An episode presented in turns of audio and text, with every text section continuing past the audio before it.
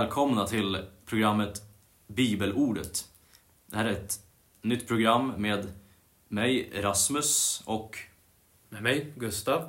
och vi är två bibeltroende kristna. Och vi gör det här programmet för att vi ser att ja, vi saknar någonting i svensk kristenhet idag. Eh, specifikt där man tar Bibeln på orden, tar Gud på orden och också rätt förstår Bibeln. Eh, vi, vi älskar Bibeln och vi vill förstå mer och mer. Det är därför vi har de här samtalen och vi tänker att det är kanske fler som vill lyssna. Eh, jag heter som sagt Rasmus. Jag har varit frälst i tre år. Och jag går i en bibeltroende församling i Stockholm just nu. Och du då Gustav? Ja, jag har varit frälst i fem år och jag är medlem i samma församling som Rasmus går i. Ja, och vi har ett antal grundläggande saker som vi tror på och som vi kommer prata om mycket eh, kommande avsnitt, om det blir fler avsnitt. Eh, och eh, det, där vi kan börja är vilken bibel läser vi? För det finns många biblar där ute idag. Och det är så att vi har, för det första tror vi på att Gud har bevarat sitt ord perfekt.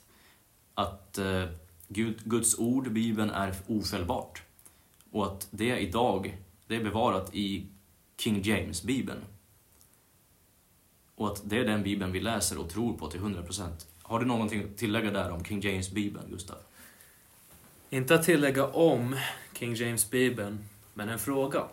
Finns det andra biblar som man får läsa? Ja, det finns som sagt många bibelöversättningar och versioner där ute. Eh, inte minst på engelska, men även på svenska har vi många versioner. Men frågan är ju om det är Guds ord eller om det har tampats med på olika sätt. Har, är det alla verser som är med i den versionen du läser? Har man tagit bort någonting? Har man lagt till någonting? Har man ändrat någonting? Eh, och om man har ändrat någonting, är det fortfarande Guds ord då? Eller hur ska man se på det? Ehm, men vi ser, anser, alltså tror starkt på att King James-bibeln är fullständigt ofelbart och att det är den enda bibeln vi kan läsa för att helt och fullt förstå Gud och vad han vill eh, utan att det har blivit eh, kommit med något fel helt enkelt i, i bibeln. Och det här är ett avsnitt för sig som vi kommer prata mer om senare. Eh, en annan sak vi kommer prata mycket om är dispensationalism och hur man rätt ska förstå Bibeln. Det är nämligen så att hela Bibeln är skriven för oss och vi läser hela Bibeln, både Gamla och Nya Testamentet. Men hela Bibeln är inte skriven direkt till oss. Det är alltså en skillnad på att Bibeln är skriven för oss, men allt är inte skrivet till oss. Eh, för att förstå Bibeln rätt så måste vi dela upp den och förstå vad som är skrivet till oss och vad som inte är skrivet till oss. Eh, det här måste man göra om man ska kunna förstå Bibeln bokstavligt. Vi är, skulle man kunna kalla bokstavstroende. Bokst- Vi tror på Bibeln bokstavligt och att Gud säger det han menar och menar det han säger. Ehm, om man inte delar upp Bibeln så kommer Bibeln att motsäga sig själv på ett flertal olika ställen. Och då måste man förandliga och tolka Bibeln själv. Och det, den rätten har inte vi som människor.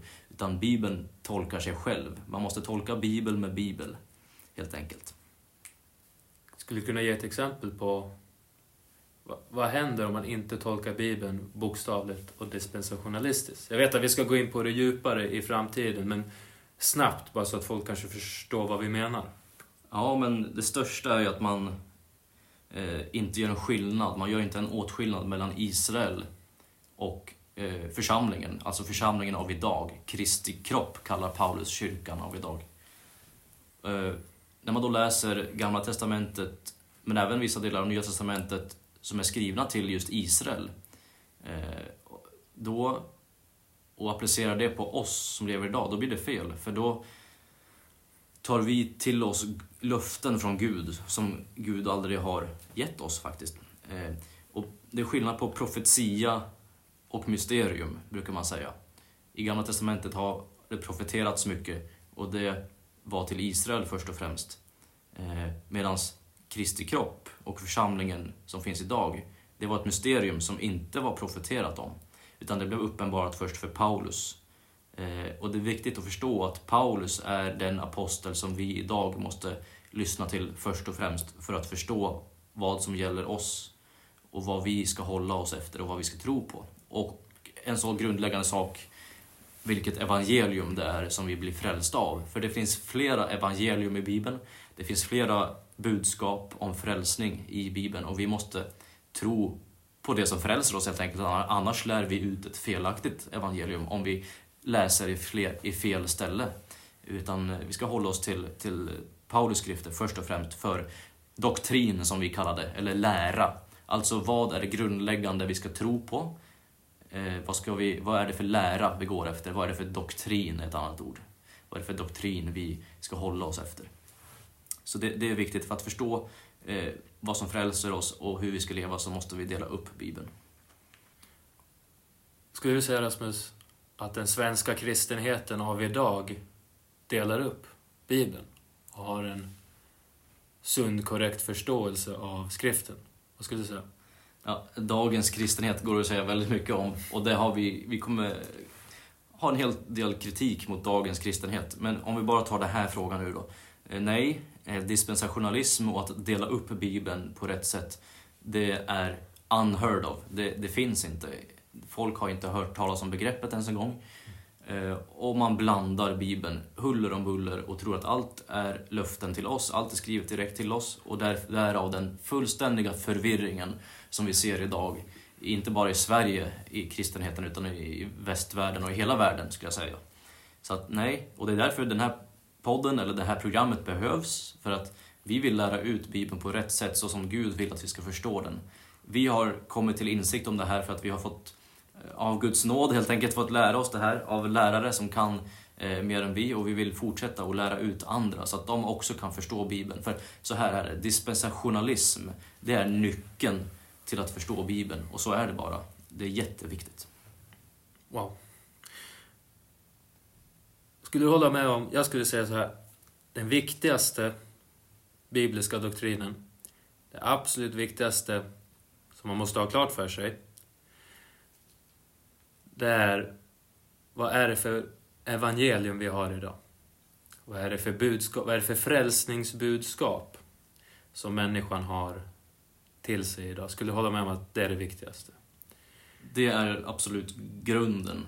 Och det är det som vi berättar om när vi är ute och evangeliserar. För både du och jag tycker om att, tycker att det är viktigt att vara ute och evangelisera och prata med folk. Eh, för att de ska få lära känna Gud och bli frälsta helt enkelt. För vi är alla syndare som behöver bli frälsta.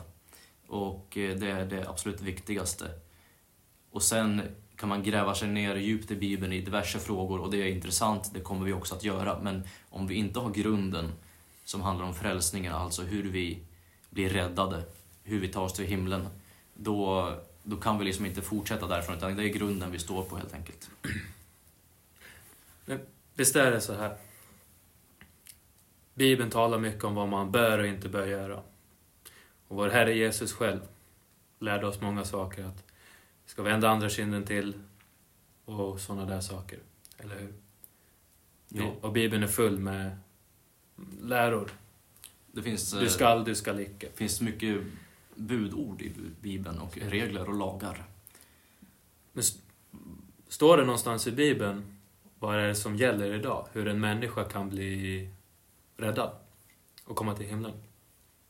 Ja, eh, om vi då vänder oss till det budskap som Paulus har, eh, när han klart och tydligt skriver ner evangeliet för oss idag. Det, det tydligaste stället, det finns flera, men det tydligaste stället är i första Korintierbrevet, 15 kapitlet.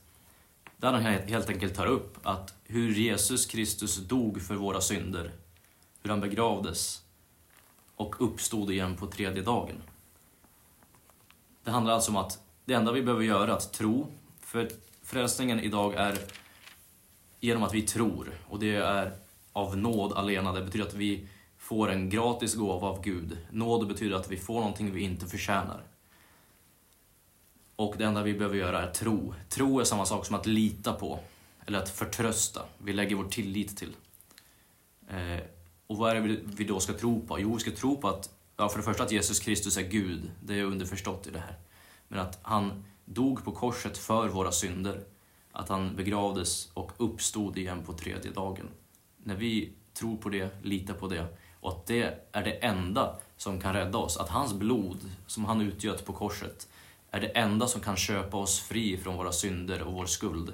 Om vi litar på att han har fullbordat verket och att det inte finns någonting annat vi kan tillägga av goda gärningar eller annat, då är vi frälsta. Och det, det säger liksom bara sådär, det är en, på samma sekund som vi tror så blir vi frälsta och den helige Ande flyttar in i oss och det är ett sigill som Bibeln säger, som en stämpel, det är en garant på att vi är frälsta och vi kan sedan inte förlora den frälsningen.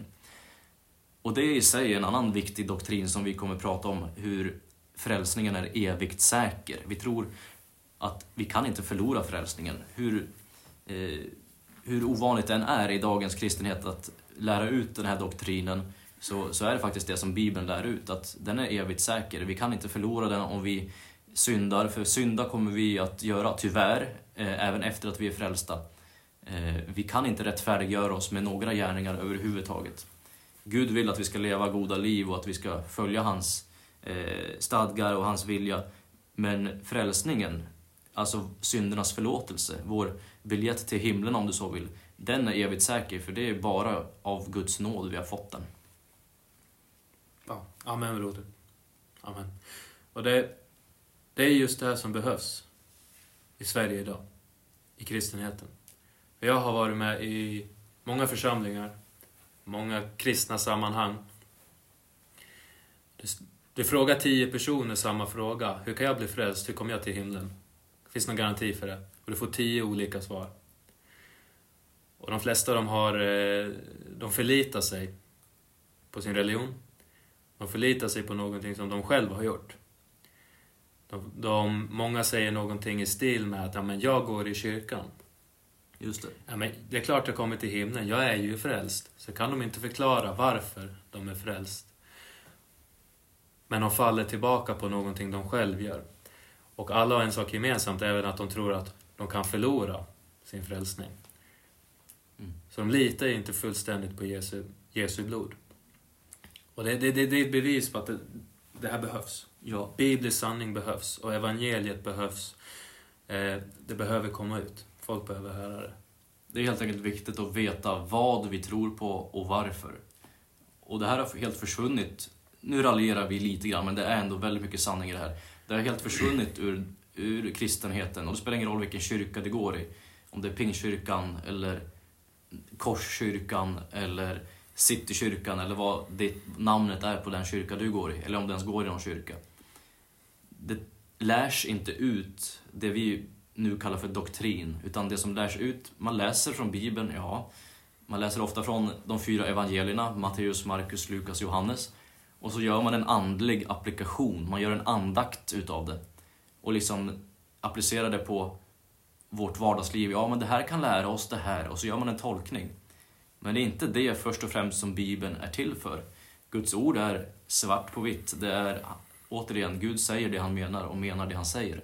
Och det är det vi vill förstå och sen också i sin tur lära ut till andra. För Bibeln är väldigt klar med det och det finns mycket att lära eh, om vad vi ska tro och, och, varför. Och frälsningen är som sagt det viktigaste, den viktigaste grundstenen. Det är det som är grunden. Jag vet inte om, eh, om den som inte blir frälst. Just det. Vad händer med den människan när han eller hon går bort? Om man väljer i sitt liv att inte acceptera Jesus som sin frälsare av tro, vad händer då? Ja, då kommer vi till ett ämne som heller inte predikas så mycket om, men egentligen alla kristna, om man säger att man tror på Bibeln så tror man på en dubbel utgång. Och det är antingen himmel eller helvete. Och det här är ju faktiskt någonting som de flesta, även icke-kristna, redan tror på. De vet om det här. Det är fullt förankrat i, ja men, i vårt språkbruk och i populärkulturen att det finns en, ett himmel och en helvete, ett helvete. Och det är det Bibeln lär ut. Jesus själv talade mycket om helvetet. Faktiskt talade han mer om helvetet än om himlen. Eh, och eh, det är två bokstavliga platser. Himmelen är liksom obeskrivligt fantastisk och det är evigt liv med Gud eh, i härlighet. Eh, Där det liksom inte längre finns någon smärta, ingen sorg. Ja.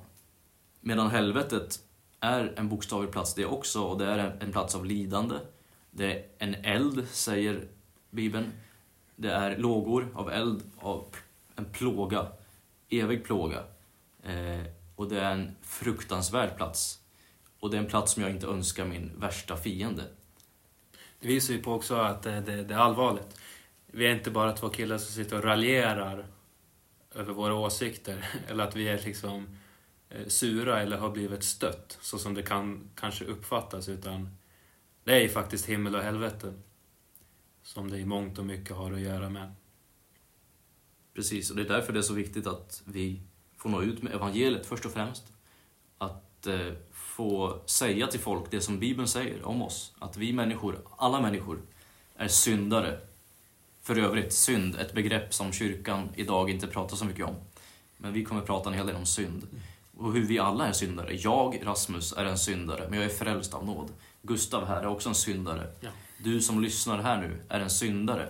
Det finns inte en människa på jorden som inte är en syndare. Den enda utan synd, det var Jesus Kristus. Och han tog på sig all världens synd på korset. För att vi inte kan rättfärdiggöra oss själva. Så det viktiga vi vill nå ut med är det här evangeliet om att du är en syndare som förtjänar död i det här livet och sen en evighet i helvetet. För din själ lever vidare någonstans efter det här korta jordelivet. Så var ska din själ tillbringa evigheten? är ju den stora frågan egentligen. Och, och det här är, det är viktigt, det är allvarligt, det är oerhört allvarligt. Så pass allvarligt att vi har vikt våra liv nu åt att förstå den här frågan och vad Bibeln har att säga. Och nu också göra ett program om, för att berätta om det här. Fantastiskt. Bra. Vad säger du? Eh, har vi någonting mer? Ska vi nöja oss med det här? Det kan vara ett eh, bra första avsnitt så får vi gräva ner oss Mm. djupare i varje enskild detalj senare. Ska vi ge en liten avslutning med en bibelvers?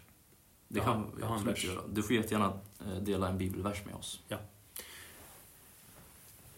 Ja, och det var väl eh, ungefär det vi hade. Som sagt, det här är första avsnittet. Det här är en liten testballong som vi skickar upp i luften. Innan vi avslutar skulle jag vilja läsa en, eller egentligen är det två avslutande verser. Och det är Romarbrevet kapitel 5, verserna 8 och 9. But God commendeth his love toward us in that while we were yet sinners Christ died for us. Much more then, being now justified by his blood, we shall be saved from wrath through him. Vi tackar alla som har valt att lyssna på vårt första program. Vi önskar Guds välsignelse, så ses vi nästa gång. Vi hörs nästa gång. Amen.